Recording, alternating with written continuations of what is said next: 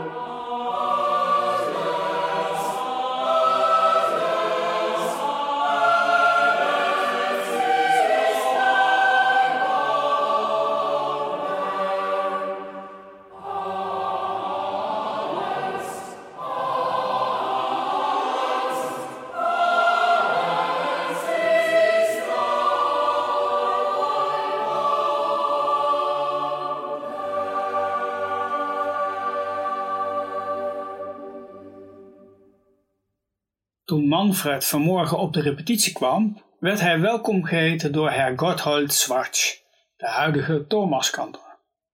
Weet je jongens, vertelde Herr Schwarz, lang voor mij was er ook een Thomaskantor. Die heette Johann Sebastian Bach en we gaan straks een kort gloria van hem oefenen. Op 5 mei 1723 ondertekent Johann Sebastian Bach het arbeidscontract dat hem verbindt met de stad Leipzig en de Thomasschule. Bach was tweede keus, want Christoph Graupner, de hofmuzikus van Darmstadt, kon door omstandigheden niet komen. Bach kreeg daarmee een uitzonderlijke invloedrijke positie als muziekdirecteur van alle kerken in Leipzig en kantor van de eeuwenoude Thomasschule. Zo goed als het Thomanerkoor nu is, zo was dat zeker niet bij Bachs aanstelling. Het Gloria uit het Magnificat in S dat Bach in zijn aanstellingsjaar schreef, zal zeker niet zo mooi geklonken hebben als de uitvoering die je nu kunt horen van het Thomanenkoor uit 1995.